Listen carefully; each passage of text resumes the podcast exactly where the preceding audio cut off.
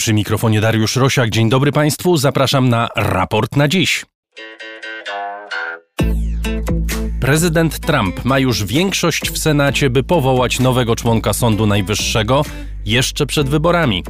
Przynajmniej do czasu wyborów najwyższy rangą sąd amerykański będzie miał wbudowaną w skład większość konserwatywną.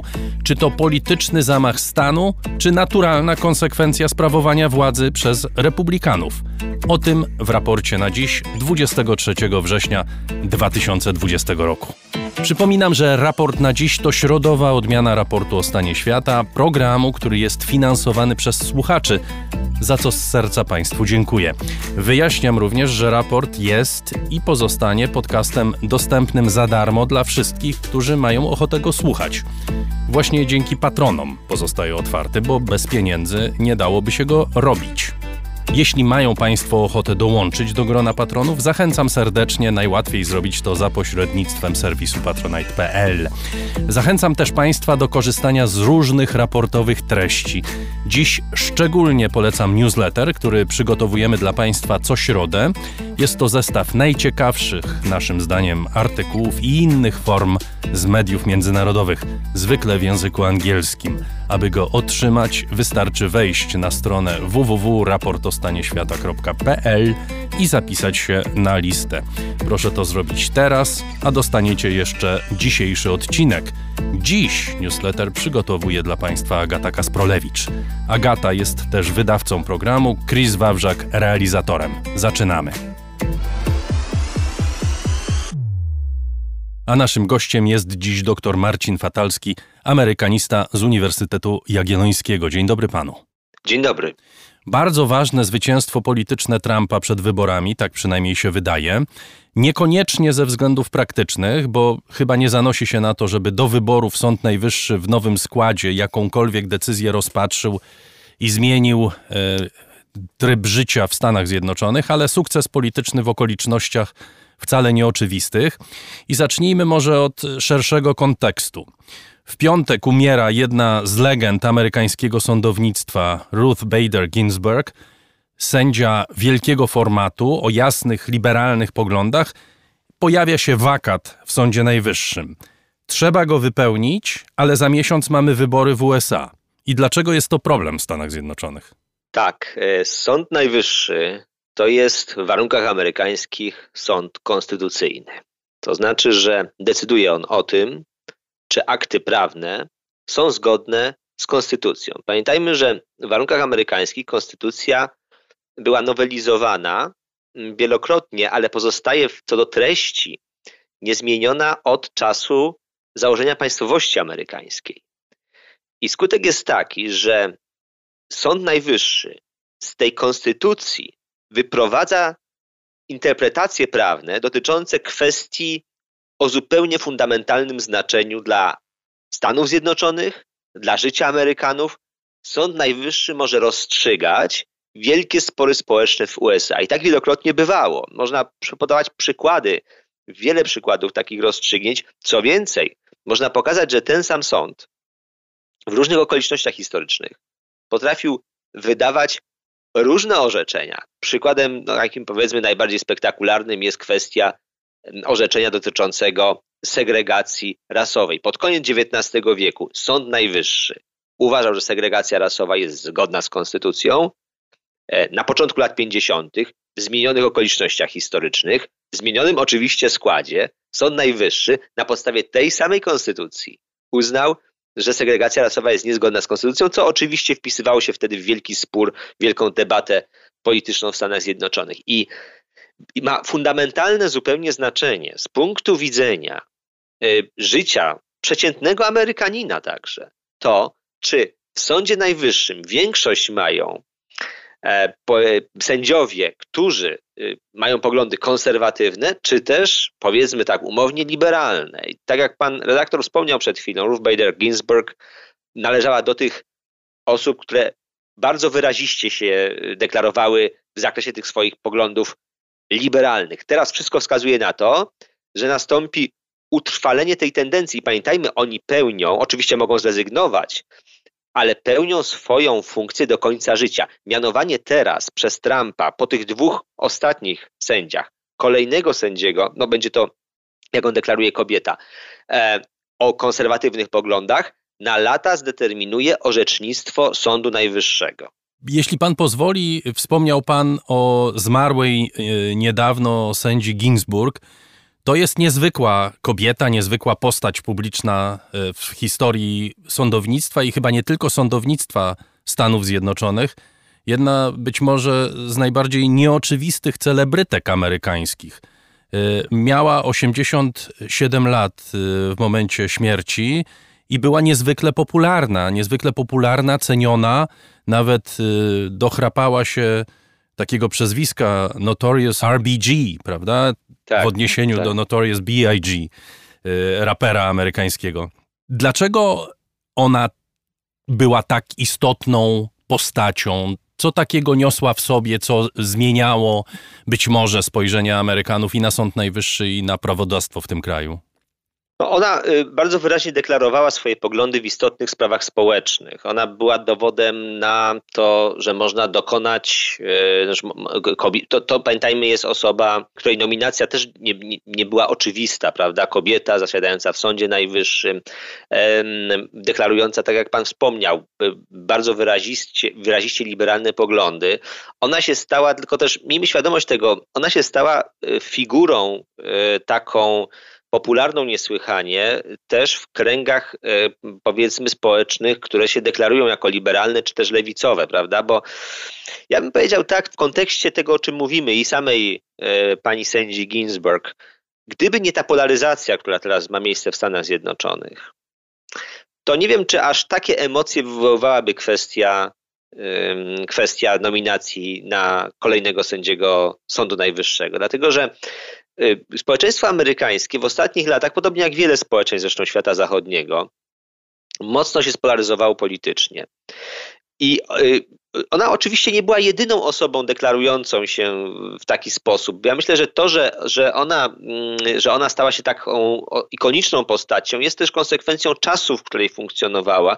No miała charyzmę, no bez tego się nie da, to jest poza dyskusją, prawda? Gdyby nie osobowość, gdyby nie umiejętność nawiązywania kontaktu, mimo tego akademickiego w końcu stylu bycia i, i, i do takiej powiedzmy fizyczności, która nie miała charakteru celebryty, prawda, czy celebrytki w tym wypadku, no to ona potrafiła skupiać wokół, tak bywa zresztą, skupiać wokół siebie uwagę i potrafiła być niesłychanie przekonująca. E, kiedyś dla konserwatystów na przykład sędzia Scalia był takim, taką postacią e, też ikoniczną, tylko oczywiście my mówimy o innej epoce. I teraz ci sędziowie też stali się nie wiem, bliżsi Amerykanom z punktu widzenia tego, że częściej ich można e, obserwować. To też jest znakiem czasów, że oni częściej, te ich uwagi częściej docierają do opinii publicznej. Są różnego rodzaju kanały komunikacyjne, prawda? E, pod tym względem w ogóle się życie publiczne zmieniło. To znaczy my częściej wiemy, co myśli na bieżąco jakaś figura z życia publicznego. Tego kiedyś nie było. I to jest, y, wszystkie te elementy sprawiły, że ona stała się tą ikoną. No i przy okazji jeszcze no dopóki żyła, to utrzymywała się ta delikatna jednak przewaga konserwatystów, no a teraz ona będzie, pójdzie zapewne w, w, w bardzo, no, w dalszym kierunku, no, będzie poważniejsza. Ma, mieliśmy 5 do 4, e, za chwilę prawdopodobnie będziemy mieli 6 do 3 na korzyść e, republikanów. Z tym, że może zatrzymajmy się przy tym, bo tak. być może dobrze by było, żeby to wybrzmiało. Mówimy o Sądzie Najwyższym, najważniejszym organie sądowniczym w Stanach Zjednoczonych, o którym Pan wspomniał. I mam nadzieję, również porozmawiamy jeszcze y, na temat jego roli, ale najważniejszym organie y, sądowniczym, który decyduje o życiu Amerykanów. Mówimy o kraju, który pod wieloma względami jest jedną z kolebek demokracji w której władza ustawodawcza, władza wykonawcza i władza sądownicza są od siebie odseparowane teoretycznie tak. i mówimy o jasnym podziale politycznym w Sądzie Najwyższym. To znaczy nikt tutaj nie udaje, że ci ludzie są powoływani przez Ducha Świętego albo że nie mają poglądów. Wszyscy wiedzą, jakie poglądy ma każdy sędzia Sądu Najwyższego. Tak, tak. I oni, I oni się ich nie wyrzekają. To nie jest tak, że taki sędzia zaczyna nagle udawać, że ma inne poglądy. On oczywiście w pewnych kwestiach może później głosować inaczej, niż by się po nim spodziewano, bo weźmie górę jego, nie wiem, na przykład podejście legalistyczne, a nie ideowe, jeśli można tak powiedzieć. Ale, ale to jest tak. Ten paradoks, można powiedzieć, sytuacji amerykańskiej polega na tym, że ten Sąd Najwyższy jest silnie można, nie wiem, to właściwie bronię się przed tym słowem, ale, ale użyję go, upolityczniony, w sensie deklaracji ideowo-politycznych sędziów Sądu Najwyższego, ale jednocześnie tworzy się taki mit wokół Sądu Najwyższego, i że jest to instytucja, która jest w stanie no, bronić tych wolności amerykańskich, bronić y, ducha konstytucji. Oczywiście to w Stanach Zjednoczonych dochodzi do takich dyskusji, czy jest to przedmiotem też debaty politycznej, publicznej w Stanach Zjednoczonych, że ten Sąd Najwyższy jest, e, ma fundamentalne znaczenie z punktu widzenia ustrojowego, a jednocześnie przecież sędziowie Sądu Najwyższego nie są wybierani przez obywateli, prawda? No pośrednio można powiedzieć, bo wskazuje ich prezydent, no i e, za, za radą wiedzą Senatu, prawda? Czyli ten Senat też bierze tutaj udział w mianowaniu sędziów Sądu Najwyższego. No ale przecież przeciętny obywatel ma tylko poprzez wybór prezydenta wpływ na to, kto będzie sędzią Sądu Najwyższego. To jest zresztą jeden z istotnych powodów, dla których toczy się gra o władzę w Stanach Zjednoczonych, prawda? Bo ponieważ e, prezydent może wpłynąć na jakimś tam etapie na, na e, skład Sądu Najwyższego. Ja bym zwrócił uwagę na jedną rzecz, że mimo tego politycznego charakteru Sądu Najwyższego, w Stanach Zjednoczonych jednak uważa się, że on odgrywa niesłychanie istotną rolę dla stabilizowania systemu. No, nikt nie kwestionuje, można się nie zgadzać z orzecznictwem Sądu Najwyższego, ale ono jest jakby ostatecznym słowem. Nikt nie podważa go. Ja wspomniałem tutaj tę historię z 1954 roku, kiedy to Sąd Najwyższy zdecydował o desegregacji w szkolnictwie. Rządził wówczas prezydent Eisenhower i on wymusił desegregację w jednym z miast amerykańskich. Ciekawe jest jego wystąpienie. On nie powiedział, czy się zgadza, czy nie zgadza. To znaczy, on się określił politycznie w pewnym sensie, ale to nie była istota rzeczy. On powiedział, takie jest orzeczenie Sądu Najwyższego i to orzeczenie ma być, ma być yy, zrealizowane. Jest jeszcze ciekawsza historia. Ona dotyczy epoki Franklina Roosevelta. Wtedy Sąd Najwyższy blokował fundamentalne z punktu widzenia nowego ładu ustawy. I Roosevelt w desperacji zmierzał do rozszerzenia składu Sądu Najwyższego. On po prostu chciał zmienić skład sądu, zwiększyć liczbę sędziów, mianować swoich i w ten sposób bronić sprawy, którą uważał za słuszną, czyli reform Nowego Ładu. I kongres, przecież złożony z demokratów w dużej mierze, jego własnej macierzystej partii zablokował ten pomysł, stojąc na stanowisku, że nie można dla doraźnych przyczyn czy potrzeb politycznych manewrować przy tak fundamentalnej instytucji jak jaką jest sąd konstytucyjny. Już jest tak w historii amerykańskiej, że sędziowie, e, że Sąd Najwyższy bywa zdominowany przez na przykład konserwatystów i zmaga się z tym prezydent demokrata, może e, mieć z tego powodu źródło frustracji, ale nic z tym nie zrobi. Jest to element no, pewnej tradycji politycznej, ale też istota systemu e, amerykańskiego i wszyscy się z tym godzą. To jest taki mit się tego buduje, tak. Mówi pan o Eisenhowerze, mówi pan o Roosevelcie.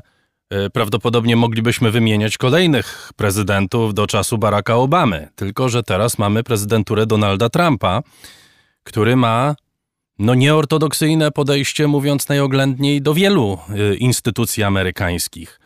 Mało tego, jeżeli rzeczywiście dojdzie y, do nominacji, a ma do niej dojść w sobotę, więc zakładam, że za chwilę będziemy mieli kolejnego sędziego, czy kolejną sędzią raczej, y, bo Trump y, wspomina, że bardziej lubi kobiety, więc dlatego między innymi powoła kobietę na to stanowisko. Będziemy mieli sytuację bardzo specyficzną, bo mamy w Stanach Zjednoczonych wojnę kulturową i to wojnę kulturową, która być może toczy się z mniejszym lub większym natężeniem na całym świecie, natomiast w Stanach Zjednoczonych ona jest niezwykle e, gwałtowna, pełna przemocy słownej, pełna przemocy politycznej e, i pełna również przemocy fizycznej w niektórych tak. okolicznościach, prawda? Czy nie, nie myśli pan, że ta zmiana, jeśli ona zostanie potwierdzona, zapowiada jednak zmianę funkcjonowania wielu dziedzin w Stanach Zjednoczonych? Bo, bo to jest sąd, który ustala, czy małżeństwa y, jednopłciowe są legalne czy nie, i to w skali federalnej. To jest sąd, który może ustalić, czy aborcja jest legalna, czy też nielegalna, czy adoptowanie dzieci przez pary jednopłciowe jest legalne, czy nielegalne. To są bardzo istotne tematy, które być może y, zostaną podważone przez ten y, sąd w nowym składzie. No, jest takie ryzyko. Tylko Tutaj jest kilka elementów. Pan poruszył zupełnie fundamentalne kwestie z punktu widzenia funkcjonowania współczesnej polityki amerykańskiej. Że odnosząc się krótko do samego Donalda Trumpa, ja oczywiście zgadzam się, że to jest polityk, jak pan go określił, nieortodoksyjny. Y, to jest tak y, bardzo elegancko y, bardzo eleganckie określenie rzeczywiście takiej, takiego wymykania się Donalda Trumpa z z, z jakichkolwiek kryteriów oceny dotychczasowych, ale ja pamiętam taką publicystykę z początków tej prezydentury, kiedy wszyscy się zastanawiali nad tym, jak system wytrzyma kogoś tak spoza systemu, prawda? Kogoś, kto fakt, faktycznie kwestionuje różnego rodzaju istotne elementy. I o ile Donald Trump był w stanie mm, do pewnego stopnia dokonać korekty na przykład polityki zagranicznej Stanów Zjednoczonych, yy, to mam wrażenie, że system się jednak obronił. E, to jest jedna sprawa. Ja, to, no, oczywiście to, jest, to, to, to otwiera pole do dyskusji i można by na ten temat długo rozmawiać, ale póki co jest coś takiego jak dojrzałość kultury politycznej w USA, albo też trzeba zwrócić uwagę na inną jeszcze kwestię.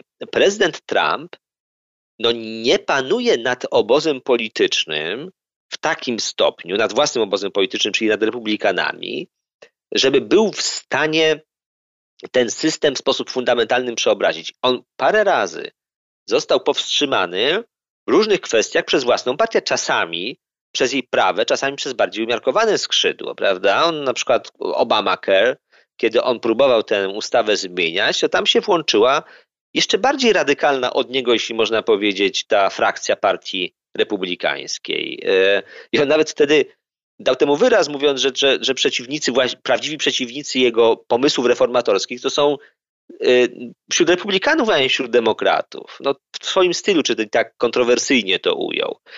Y, pan dotykał jeszcze jednej kwestii, że w Stanach Zjednoczonych obecnie mamy wojnę kulturową i ona się rzeczywiście toczy w całym świecie zachodnim, bo on ulega przeobrażeniom, ale ja bym zwrócił naszą uwagę na jedną kwestię. W Stanach wszystkie problemy społeczne są y, elementem, y, czy uzewnętrzniają się w sposób niesłychanie radykalny. Zwróćmy uwagę, jak wyglądały jak wyglądała walka o prawa obywatelskie w latach 60. No przecież Ameryka też znalazła się w ogniu.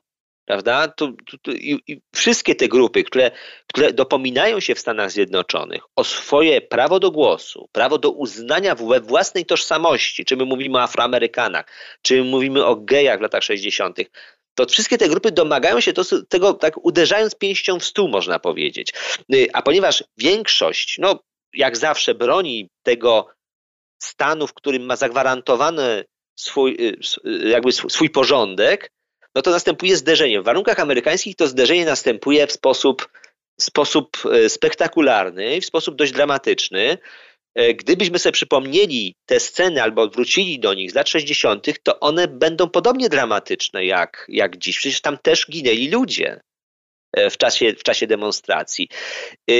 Oczywiście nie wiemy, jak się sprawa potoczy. Badania pokazują faktycznie, że w Stanach Zjednoczonych mamy do czynienia z bardzo daleko posuniętą polaryzacją e, polityczną. Ludzie się między, między tymi, których byśmy nazwali, określili mianem lewicy, liberałów, a, a prawicy, konserwatystów, jest rów, głęboki rów w warunkach amerykańskich, podobnie jak w wielu innych krajach. I to rzeczywiście czyni cały ten spór dramatycznym. No ale ja bym powiedział tak, jeżeli by, demokra- jeżeli by Trump zrobił to, co, czego oczekuje od niego Partia Demokratyczna, a czego swoją drogą, bo też przypomnijmy, oczekiwali parę lat temu republikanie, bo nie wspomnieliśmy o tym, że analogiczna sytuacja miała miejsce przy okazji Obamy, prawda? Tak, to jest polityka całej tej historii, o której chciałem na koniec porozmawiać.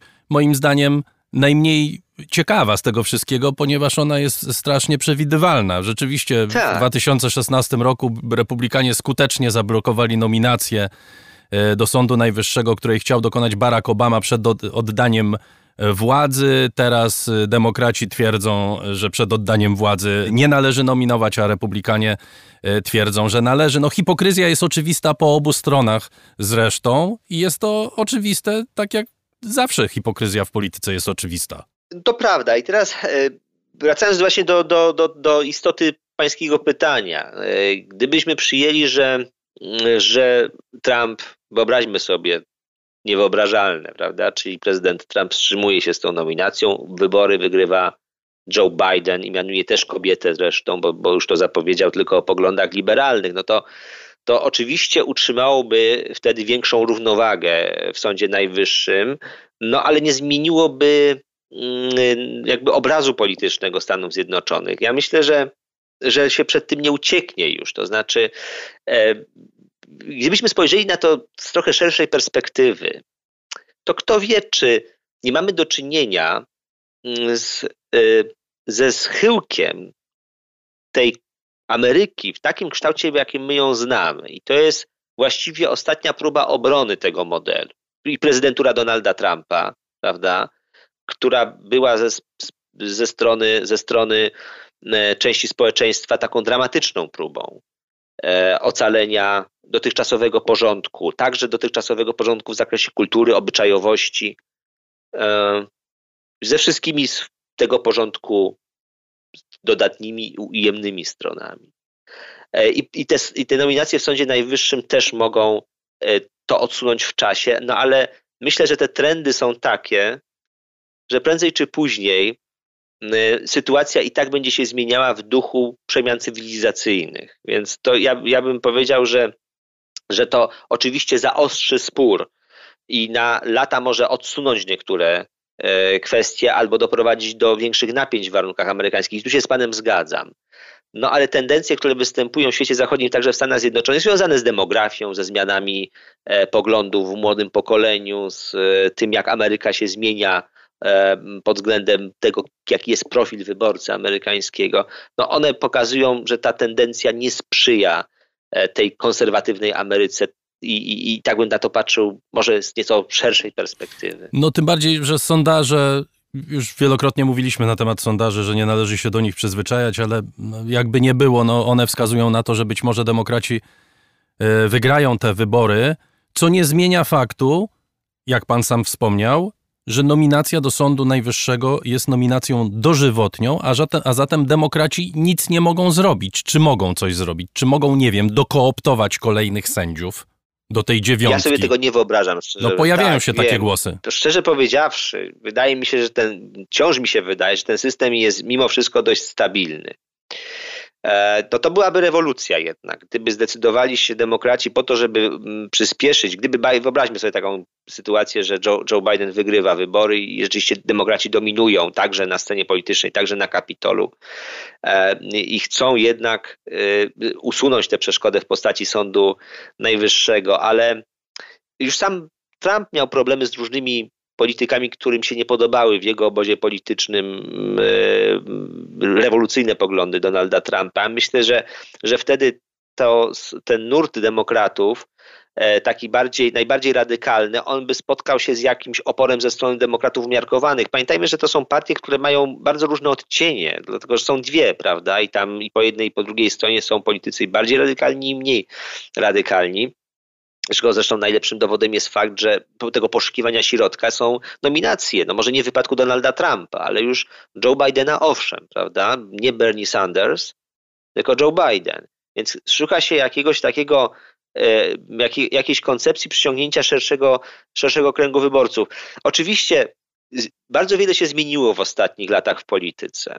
E, I rozmawiamy, mimo że rozmawiamy o systemie prawnym i ustrojowym Stanów Zjednoczonych, to rozmawiamy w istocie rzeczy o polityce, bo to jest kwestia roli politycznej Sądu Najwyższego. Ale wydaje mi się, wciąż mi się wydaje, że i klasa polityczna, establishment polityczny w Stanach Zjednoczonych y, na tyle jest przywiązany do, nie wiem, nazwijmy to mitem stabilności tego systemu, I, I opinia publiczna jednak tego oczekuje, że nie nastąpiłaby taka rewolucyjna zmiana, że demokraci chcieliby odkręcić, jeśli można tak kolokwialnie powiedzieć, te nominacje Trumpa przez dokoptowanie sędziów sędziów jakby liberalnych, ale, no ale oczywiście wszystko w polityce jest możliwe. No, w dłuższej perspektywie wszystko jest możliwe i nic nie jest dane raz na zawsze. Bardzo dziękuję. Doktor Marcin Fatalski z Uniwersytetu Jagiellońskiego, z Wydziału Amerykanistyki tego uniwersytetu, był gościem raportu o stanie świata. Serdecznie dziękuję. Agata Kasprolewicz była wydawcą programu, Chris Wawrzak realizatorem. Raport o stanie świata to Państwa audycja. Jesteśmy dzięki Waszemu wsparciu, za które gorąco Państwu dziękuję i nie tylko ja.